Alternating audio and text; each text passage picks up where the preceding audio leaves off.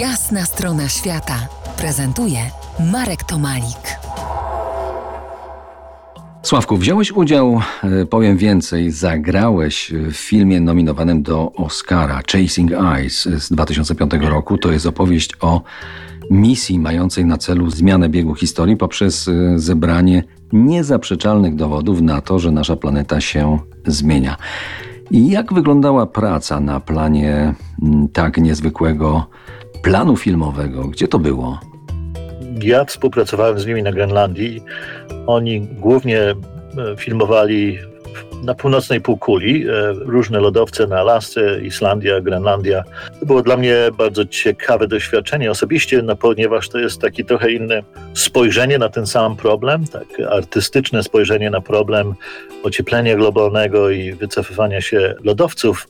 No ja to widzę tak e, w kategorii faktów i nawet równań albo współczynników, które są potrzebne, żeby opisać, co się dzieje, a oni myśleli o tym, czy widzieli to z punktu widzenia artystów, którzy widzieli po prostu jak gdyby cierpienie natury, zmiany w naturze w sensie takim emocjonalnym, że natura się zmienia. Ludzie z natury e, nie lubią, jak się natura zmienia. My chcielibyśmy, żeby świat, który nas otacza, po prostu był taki, jak zawsze był i my go może tam troszkę będziemy manipulować, ale zmiany w naturze nas zawsze trochę przestraszają. Tym, którzy tego filmu nie widzieli, tylko tak tutaj nadmienię, że wraz z grupą młodych poszukiwaczy przygód, ten główny jak gdyby bohater, inicjator w ogóle całego projektu, Balog, zaczął rozmieszczać rewolucyjne kamery poklatkowe w brutalnej Arktyce, bo tak ją widział, aby uchwycić wieloletni zapis zmieniających się lodowców na świecie.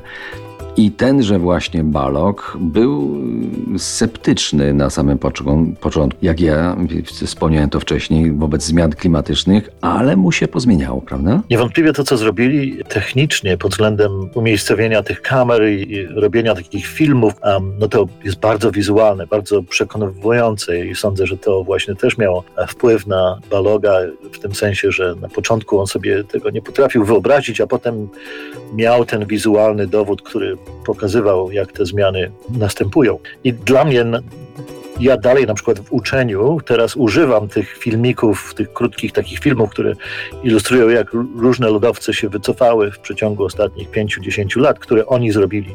To było rzeczywiście no, rewolucyjne, bo tak jak mówię, naukowcy to bardziej e, mierzą po prostu rzeczy, a dla nich wystarczyło po prostu, żeby zrobić mnóstwo zdjęć, z których można zrobić jednominutowy filmik, który przekazuje ludziom, którzy nie są naukowcami, to, co się dzieje. Za kilkanaście minut y, z tego planu filmowego na Grenlandii z Chasing Ice powędrujemy na Antarktydę i jeszcze raz się przyjrzymy, co tam mówią odwierty pod wieczną zmarzliną. Zostańcie z nami. To jest jasna strona świata w RMS Classic.